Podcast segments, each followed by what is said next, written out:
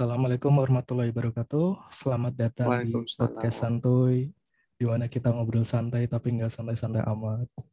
Kembali Ya lagi, kembali Oke. lagi sama saya Andika dan teman saya. Dan saya Iqbal. Wow, wow, wow. udah lama ber dua minggu ya belum nggak rekaman lagi. Iya. Uh, ada sesuatu hal yang terjadi akhir-akhir ini. Sinyal di sana gimana? Masih lambat Ya. apa? Oh ya, Sinyal Lampu ya? secara Oh, iya. umum se- secara secara umum sih biasanya ngebut. Cuman kalau lagi hujan atau mati lampu itu biasanya sinyalnya langsung drop ke 3G. Udahlah itu. di sana sering ya mati lampunya ya. Eh, gara-gara lagi ada pemeliharaan sih PLN di kan ada masalah tuh PLN Hmm. yang di mana gitu ada yang ada masalah lah reaktornya orang eh, aku lupa daerah mana Pembangkitnya ya. cuman ah, ah. jadi di daerah Bangka Belitung tuh dapat bagi apa kayak pergantian gitu loh dimatiin lampunya Pema- Oh, pemadaman listrik ada giliran gitu ya.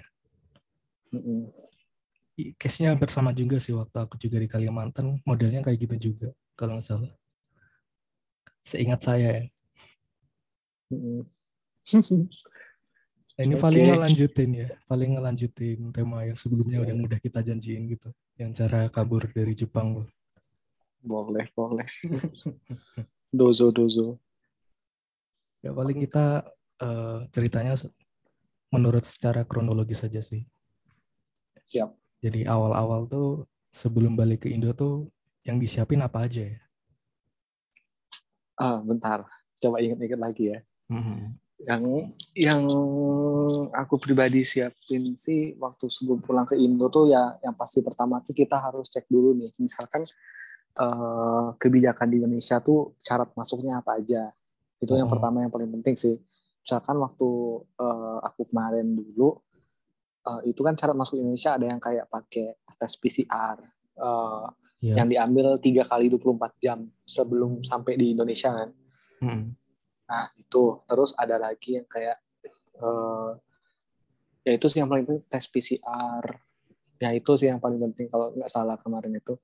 Nah, terus cek juga nih kira-kira eh, maskapainya itu ada syarat-syarat lain nggak? Oh. Maskapai yang kita pakai untuk ke sana. Nah, selain hal tersebut, selain kayak eh, syarat harus, yang syarat wajibnya yang kayak tes PCR, eh, terus kita juga harus nyiapin eh, misalkan misalkan nih kita harus ngasih jeda waktu nih antara kita pergi eh, ke bandaranya sampai eh, sama kita flightnya jam berapa soalnya agak memakan waktu sih ketika kayak dia cross check eh, hasil PCR testnya itu di bandara internasionalnya Iya. Pilihan bandaranya ada berapa ya kalau internasional gitu? Ada yang bisa dari Osaka, ada yang bisa dari Haneda. Biasanya sih yang orang Indonesia yang di Kanazawa, sepengetahuanku sih pilihannya kalau nggak lewat Osaka, lewat Haneda yang di Tokyo. Lebih dekat Itu mana? sih. Eh, Tokyo-nya tuh daerah mana ya Haneda tuh bilangnya? Gak ngerti juga arah-arah laut yang dekat-dekat laut, dekat Oh. Disney Sea ya. Tokyo Disney Sea ya. Kalau nggak salah. Kemarin kamu lewat bandara apa, Bang? lewat Haneda. Bal- belum pernah ke Osaka. Maksudnya ke bandara internasionalnya belum pernah sampai sekarang. Hmm. Biasanya lewat Haneda terus. Waktu datang ke Jepang juga lewat Haneda dulu. Iya, lewat Haneda. Oh, lebih familiar gitu ya. Iya, udah udah familiar di Haneda soalnya. Kalau di Osaka ntar mikir lagi ada mana ya. Belum pernah ke sana juga kan. Oh, oh. Nah, itu ada makanya. lapor kayak ke RT RW gitu nggak? Oh, kalau ini, keluar ini dari proses Jep- kayak Iya. istilahnya tuh kita nyebutnya proses apa ya? Deregistrasi kali. Hmm. Jadi kan ketika kita datang ke Jepang tuh kita kan dapat kayak istilahnya tuh Zairu card. Zairu card tuh semacam alien card eh, kayak KTP sementaranya kita sebagai orang Jepang gitu loh. Hmm. Nah, dan ada juga kayak administrasi-administrasinya yang me- yang mendaftarkan kita sebagai warga kota tersebut. Nah, sebelum kita pulang ke negara asal, itu ada namanya proses kayak de- deregistrasi. Nah, biasanya kita tuh prosesnya datang ke City Hall tempat kita terdaftar yang di Zairu Card-nya itu Hmm. atau yang di KTP sementaranya itu terus kita bilang misalkan uh, kune kayak Dimas Ki- terus bilanglah mau pulang terus eh, nanya prosesnya biasanya ada satpam yang suka jagain nah nanti kita dianterin lah ke loketnya nanti biasanya prosesnya itu kita kayak eh, ngasih tahu pengen pulang terus ditanya lagi kan bakal balik lagi sini atau enggak? Kalau Hmm. saya kita enggak bakal balik lagi ntar ditandain sama dia.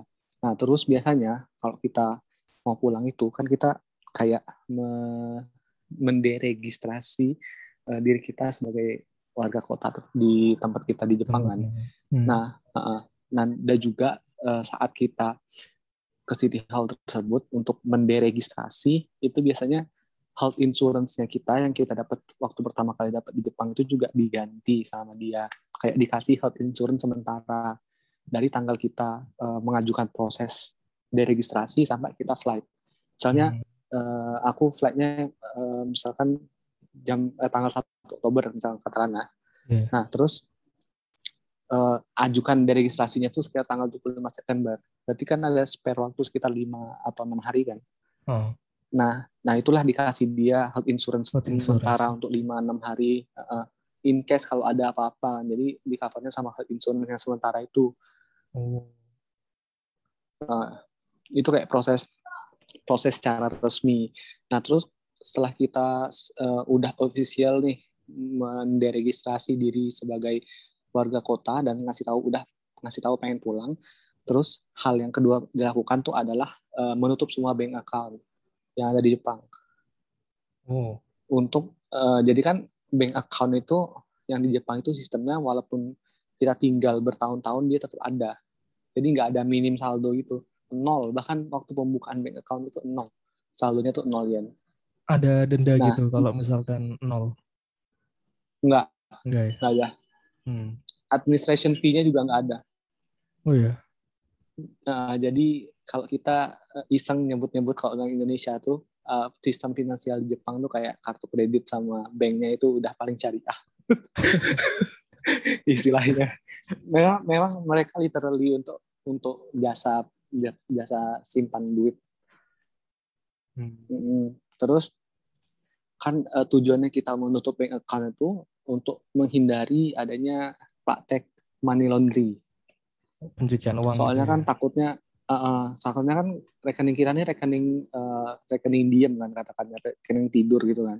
Nah, Iya. takutnya disalahgunain sama orang-orang yang tidak bertanggung jawab untuk money laundry. Nah, itulah kenapa di diharuskan di nggak diwajibkan nggak diharuskan sebenarnya kalau pengen nakal ya keluar keluar aja sih tapi kan daripada takutnya kita nama kita ada kasus internasional mending Hmm. ditutup aja lah bank account Iya kan takutnya nanti kita coba transfer ke rekening kita yang di Jepang gitu untuk biar nggak bayar pajak di dalam negeri.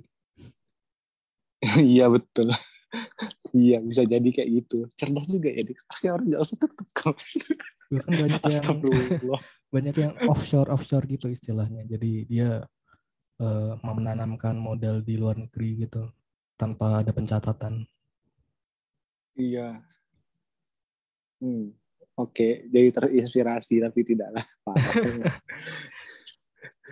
ya udah Dia yang apa sebelum namanya? sebelumnya kan eh, ada bank juga yang kalau misalkan mau sempurna juga untuk yang delisting nomor nomor Jepang nggak sih nomor apa nomor handphone gitu.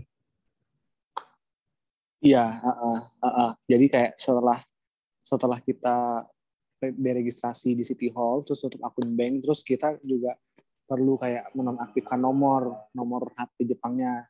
Hmm. Soalnya dia eh, bilnya jalan terus kan. Iya. Mm-mm.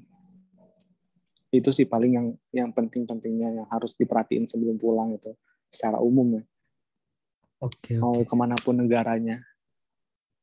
Nah kalau yang barang-barang kamu yang di apartemen gitu kan nggak nggak semuanya kamu bawa kan ke Indonesia. Mm. Nah itu ada yang kamu wariskan gitu apa? Ah, jadi kayak barang-barang besar itu biasanya kalau ada PPI itu enaknya itu kita nggak perlu ribut-ribut eh, mikirin gimana cara buang barang. Misalkan harus buang kulkas ke mana, buang Iya. kasur ke mana, buang mesin cuci.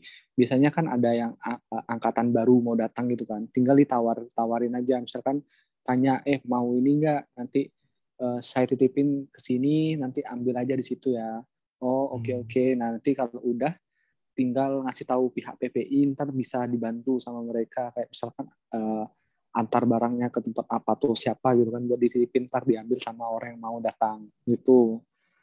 Untuk yang barang-barang lainnya ya harus dibuang.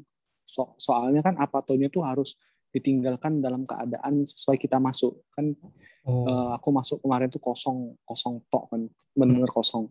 Nah berarti tinggalnya harus kondisi benar-benar kosong nggak bisa ditambahkan apa-apa gitu ya. Mm-mm. Nah, karena di ya, di oke. di sana karena di apa di Jepang tuh sistemnya kalau kita meninggalkan barang itu justru kita yang bayar untuk pembuangannya jadi kita harus mending mending kita kasih orang kan daripada kita buang bayar Iya, kalau masih bisa digunain kan. iya betul Itu juga harus ada kabar ke universitas juga kan, Bang? Ke mana Kabar ke universitas gitu. Kalau misalkan kita pulang, Oh iya itu tentu sih. Soalnya kan nanti kan ditanya kan, maksud kan eh, habis lulus tuh ada yang tanya lanjut karir gimana atau mau pulang atau mau tetap di Jepang.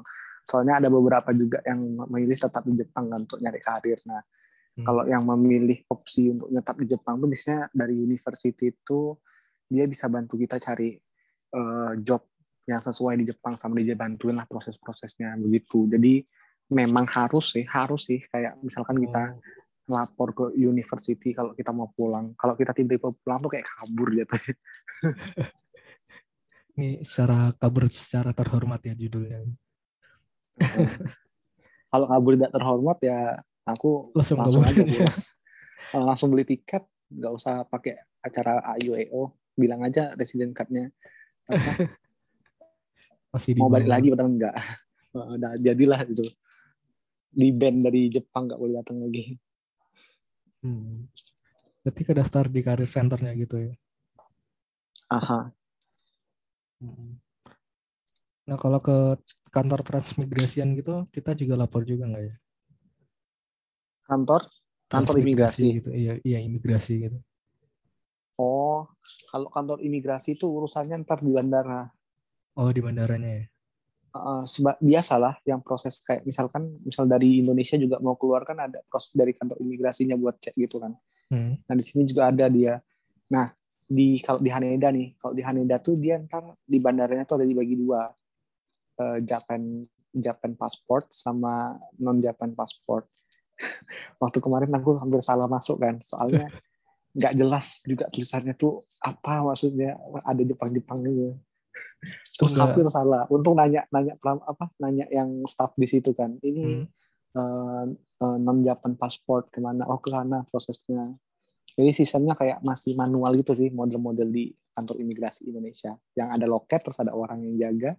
Kita kasih eh, dokumen-dokumen kayak paspor, resident card, sama ngisi ada lembar yang menyatakan bahwa eh, kita rela untuk kehilangan apa status warga negara Jepang dengan kembali bla bla bla gitu. Pokoknya kayak pernyataan gitulah. Oh, Ada formulirnya diisi pakai bahasa Indonesia. itu dapat eh, keterangan kalau itu dari city centernya gitu ya. Kalau udah nggak Eh, gitu, dapat surat ketera- keterangan gitu untuk Enggak, itu kita buat statement kita buat statement tuh dalam bandara ntar ada formulir disediain kita buat statement situ. Nah, yang surat Soalnya mereka residensi itu, sistemnya eh, ya itu di bandara dapatnya formulirnya itu. Kayak misalkan dia tuh bukan surat residensi, sih. dia kayak model formulir pernyataan bahwa kita rela untuk kehilangan warga negara apa hmm, status warga negara Statusnya. Jepang Heeh. ya atau tidak. Nah kalau yang masalah status residensi itu biasanya mereka udah tercatat sih di sistemnya kalau seandainya kita udah bilang mau pulang dan nggak balik lagi, berarti nomor eh, identifikasi kita di resident card itu udah tercatat bahwa kita tuh udah kayak mau Oh. nggak bal- nggak bakal balik lagi. Oke, oke. Di datanya udah terpusat gitu ya. Aha. Hmm. Nah, waktu di bandar, waktu di Jepangnya, Pak, kalau perjalanan darat itu ada aturannya nggak ya? Maksudnya ada harus download aplikasi inilah scan QR atau gimana gitu? Oh, enggak, enggak ada. Jadi kan kalau di sini mungkin pakai peduli lindungi atau apa gitu kan. Hmm. Nah, kalau di sana tuh bah nggak ada. Jadi ya naik aja. Naik yang aja. syarat tuh cuman di bandara. Nah, mereka pakai syarat tuh cuman yang buat transportasi bandara. Transportasi udaranya ya. Iya, ah, transportasi bandara ya transportasi udara. Maksudku gitu. Yang tes PCR gitu juga ya. Iya. Hmm. Jadi ketika naik bis dari tempatku kan dari Kanazawa ke Tokyo itu ya naik aja kayak biasa gitu. Oh iya. Mm-mm. Nggak ada harus nggak ada harus download aplikasi yang kayak peduli lindungi. Oh ada mungkin ya Eh, itu bukan wajib ketika naik bandara naik bandara naik transportasi, Naik transportasi. umum sih. Hmm. itu lebih itu lebih ke wajib eh, bukan wajib sih dianjurkan untuk warga negara Jepang tuh download apa namanya COVID-19 app. Eh, kayak model peduli lindungi tapi versi Jepang gitu loh. COVID-19 masih ada nggak ya? Punyaku oh udah udah nggak ada lagi soalnya udah pulang. Oh ini COVID-19 contact app. Itulah namanya dia eh, khusus orang Jepang dia model peduli lindungi juga juga tahu kalau seandainya kita tuh deket sama siapa aja akhir-akhir ini gitu-gitu Dia minta akses location paling ya sama iya Hmm. waktu. Nah, mirip-mirip itu udah dari dua tahun yang lalu udah eh ketika awal corona salah ada aplikasi itu Hmm. ya awal-awal corona 2020 kan atau 2019 akhir gitu Waktu di pesawatnya ada jaga jarak gitu, Bang. Dibatasin gitu. iya heeh, heeh. di pesawatnya tuh eh, satu kan biasanya pesawat tuh eh, ada ada ada ada satu row tuh ada kayak tiga bagian gitu kan Hmm. atau empat lah satu bagiannya tuh ada isi dua sampai tiga kursi biasanya tuh terus Ya. ada selasar kan divisi satu tiga kursi terus ada lorong tiga kursi lorong tiga kursi lorong kan nah Hmm. itu satu bagian tuh satu orang Oh, Heeh, heeh. terus Luas depan belakang juga di depan belakang juga di sela kosong. Jadi satu row isi terus Satu belakang kosong. kosong. satu row isi belakang kosong. Atau enggak dibuat zigzag dia pokoknya jarak kanan ke depan belakang kiri itu enggak ada orang. Dikit ya.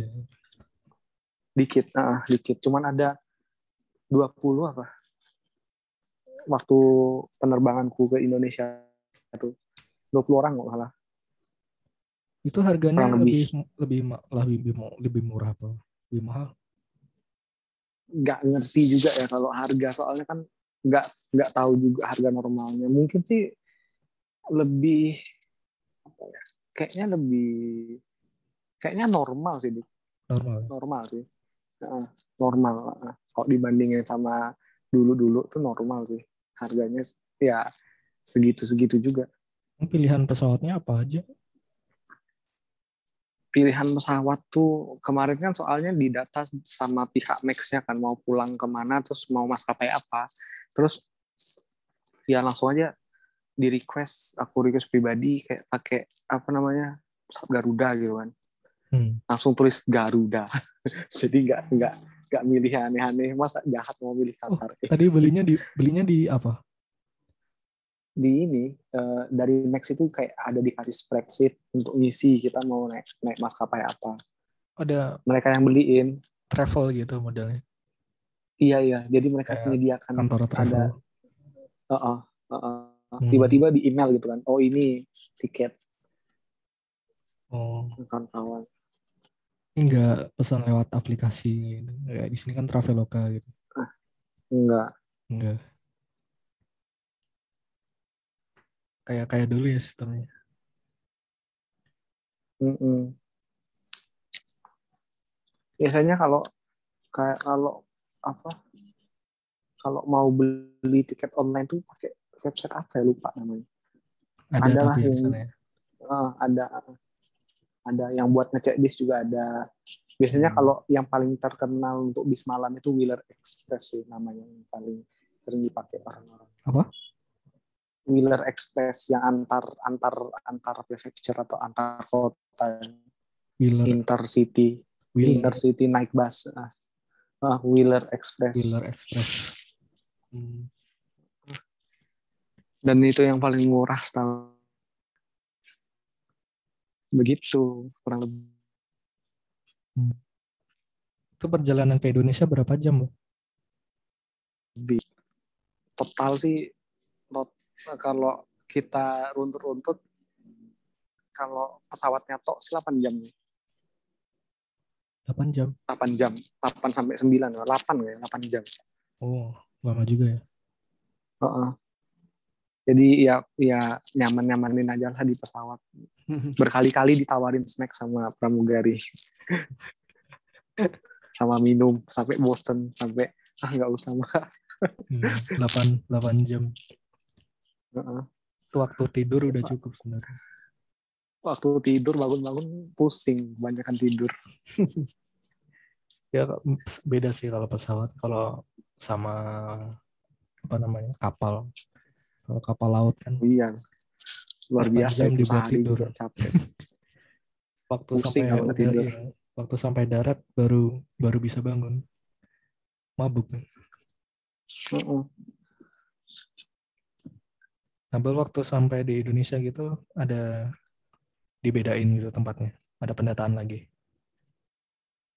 ada jadi kan ketika sampai di Indonesia itu kan turun pesawat nih ceritanya turun pesawat Hmm. habis turun pesawat kita eh, ambil bagasi habis ambil bagasi terus kita langsung kayak duduk gitu ada kursi-kursi ada TNI juga yang jaga nanti kita ngisi peduli lindungi atau ehak ehak gitulah. Ngisi Oh. ehak tapi pakai formulir kertas manual masih pakai jadi siapkan pulpen itu sangat penting pulpen Oh, nggak disediain. Heeh. Oh, nggak nggak bakal disediain pulpen enak aja. Dia sendiri sendiri pulpen itu terus oh iya juga harus isi kayak apa namanya immigration step apa yang kayak ada eh, form sebelum kita landing itu loh yang ada bawa barang yang banyak atau mengandung barang-barang berbahaya enggak enggak gitu-gitu loh. Oh. yang kayak survei internasional itu nah, ada juga itu yang statement itu. Isi juga nanti diminta. Nah, abis ngisi ehak itu, formulir ehak yang kertas itu nanti dibaris karena dibaris, terus ada loket nih, ada loket yang dijaga sama TNI juga. Terus kita kita baris ke sana, nanti ditanya dia, Di- diminta lah kayak PCR test, terus kalau ada sertifikat vaksin tunjukkan sertifikat vaksin. Terus ntar ditanya sama dia, mau karantina di hotel atau di wisma atlet? Kalau milih ke Oh. hotel, kalau di di hotel ntar dicapnya wisma atlet juga dicapnya beda kan hotel wisma atlet gitu kalau hotel dia eh, biasanya keluar dari loket itu langsung keluar langsung kayak proses biasa bandara lah ada yang jemput kan ntar ada travel yang jemput hotel nah Hmm. kalau wisma atlet itu tergantung situasi dan kondisi kalau lagi rame-ramenya orang yang pulang ke Indonesia di wisma atlet itu oh wah, lamanya luar biasa jadi nanti kita kan keluar dari proses loket itu yang ngecek PCR segala macam nanti Hmm. kita disatuin di satu tempat itu kan ada kayak di hall di bandara Oh, gitu bentar, bentar. kita duduk duduk lah Bentar, Bel. Kan ada pilihan hotel sama Wisma Atlet tuh. Yang hotel berarti Oh. pakai biaya sendiri gitu. Iya betul mandiri kan namanya Biaya mandiri. Hmm. Kalau Wisma Hmm. Atlet kita nggak bayar ya? ya betul Oh, oke oke. ada ada ada harga ada pelayan ada kualitas lah ada kenyamanan Iya. dan ada usaha ada kegratisan Di balik gratisan harus ada usaha. ya betul tahu nggak jadi kan waktu waktu aku sampai itu kan rame banget nih yang dari yang dari Arab yang dari Malaysia tuh pulang semua kan yang Hmm. pekerja kapal ABK ABK itu pada pulang kan jadi rame di sampai ratusan orang itu sampai ngantrinya luar biasa jadi ketika dikumpulin di satu hall dalam bandara itu yang ngantri naik bis ke wisma atletnya itu berapa jam ya dua jam lah kurang lebih Nunggu Gak lama sih jam. dua jam. Nah, nunggu bisnya dua jam. nunggu bisnya dua jam, kurang lebih. Terus ke wisma atletnya sebentar. Nah, dari proses wisma atlet ke masuk kamarnya itu, ya Allah. Hmm. Jadi total waktunya tuh kan landing di bandara jam setengah lima. Jam Hmm. lima lah sampai dalam gedung bandara kan. Baru Lima- dapat kamar lima sore. jam setengah. Nah, lima sore. Nah, baru dapat kamar tuh jam setengah 12 malam. Itulah dia kalau. Tapi tidak apa-apa, di balik usaha ada kegratisan. Gitu ada ada Worth it. kuotanya gitu Wisma Atlet. Nggak ngerti gimana. Pokoknya ketika kita sampai tuh dia bilang kayak gini. Langsung ditawarin ya. Bapak, bapak, bapak, mohon bersabar ya. Ini kamarnya belum siap, masih disiapin. Iya kan kalau habis dipakai orang lain harus di betul. san- sanitasi dulu lah, dibersihin dulu, biar nggak ketularan juga kalau misalkan masih ada kan. Iya, betul.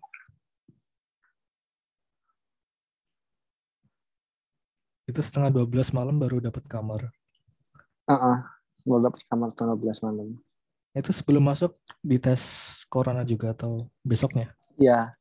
Enggak, sebelum masuk. Jadi ketika kita dari bandara kan datang nih ke Wisma Atlet. Nah, Hmm. sebelum masuk kamar itu dicolok lah hidung kita dua tiga kali dua kali hidung satu kali mulut jadi dicolok lah dengan cepat sat sat sat ya Allah sakit pengalaman selama di Jepang PCR apa PCR tes pakai saliva di Indonesia pakai colok tuh kaget aja. mau nangis akhirnya mau nangis keluar keluar langsung ada air mata mengalir padahal nggak sedih Iya pasti itu. Aku waktu pulang ke kampung juga naik kereta tes PCR-nya kayak gitu, colok. aduh Antigen. enak banget ya tes PCR hidungku kasihan Cuma nanti Ya, rasanya lega nggak sih? Karena habis nangis gitu, jadi emosinya terluapkan. betul dipaksa dipaksa keluar oleh satgas covid Paksa keluar. keluarkan emosimu set dicolok ya itulah prosesnya kepulangan sampai Pulangan. ke Indonesia Itu kalau makan dikasih.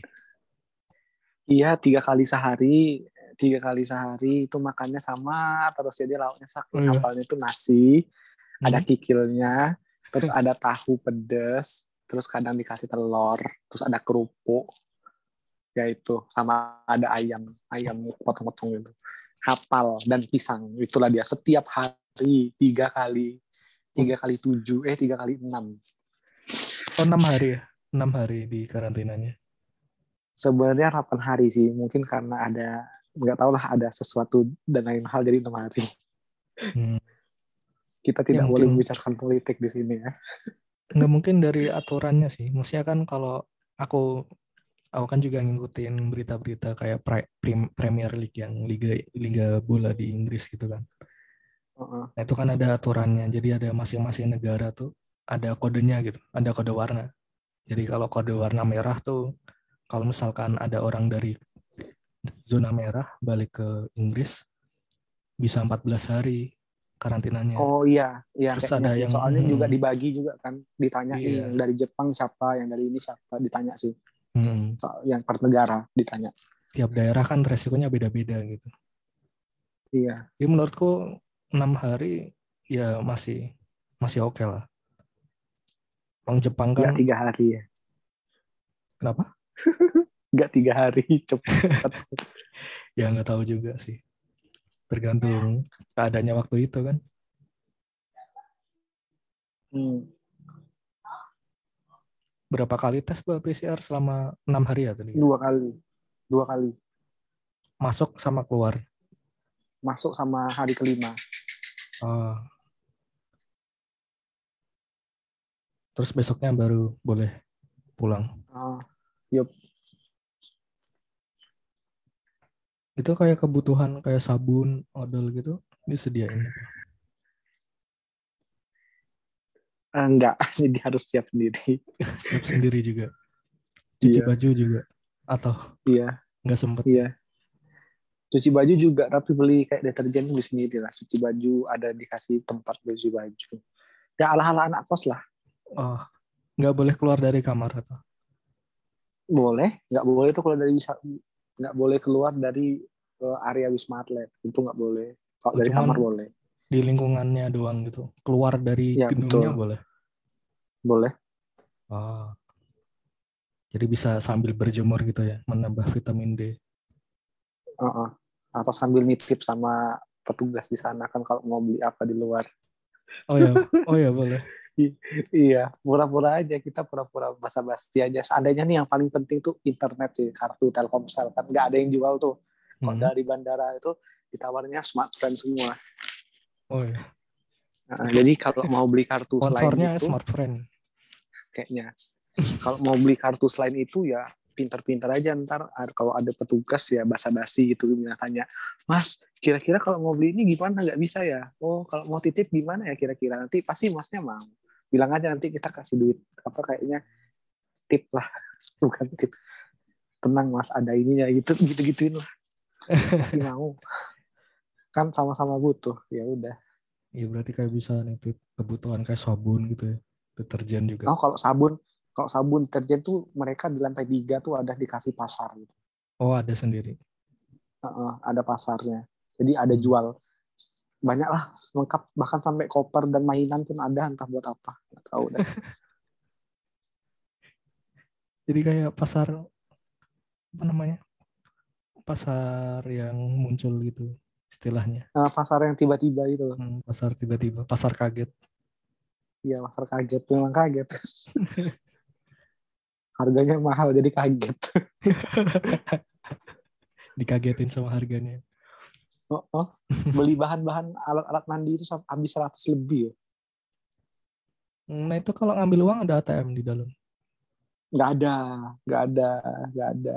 Tahu nggak ada ATM. Jadi harus Terus? siapkan uang Indonesia lah sebaiknya. Hmm. Itu exchange-nya di mana? Di Jepangnya dulu atau? Iya Kalau di kalau, exchange di kalau Indonesia? aku pribadi Indonesia. sih exchange-nya di Jepang sama teman-teman yang bawa duit Indo kan exchange-nya. Hmm. Iya harus disiapin ya Dengan- kalau gitu ya. Kalau Ya, nggak ada ATM di uh, dalamnya. Uh, mungkin amannya sih kalau kalau hanya buat proses karantina dan kawan-kawan sampai pulang kepulangan sih sejuta mungkin ya kurang lebih Hmm. amannya ya kayak buat beli inilah beli itulah terus ada emergency fee siapa tahu disuruh bayar apa lah sejuta lah amannya Iya kan nggak tahu nanti gimana itu. Heeh. Oke Bal, thank you ya Bal untuk infonya. oke Kita bakal ketemu lagi untuk eh, mungkin minggu depan siap siap untuk membahas hal yang lainnya. Terima kasih buat Siap. para pendengar. Wassalamualaikum kasih ya. warahmatullahi wabarakatuh. Waalaikumsalam warahmatullahi wabarakatuh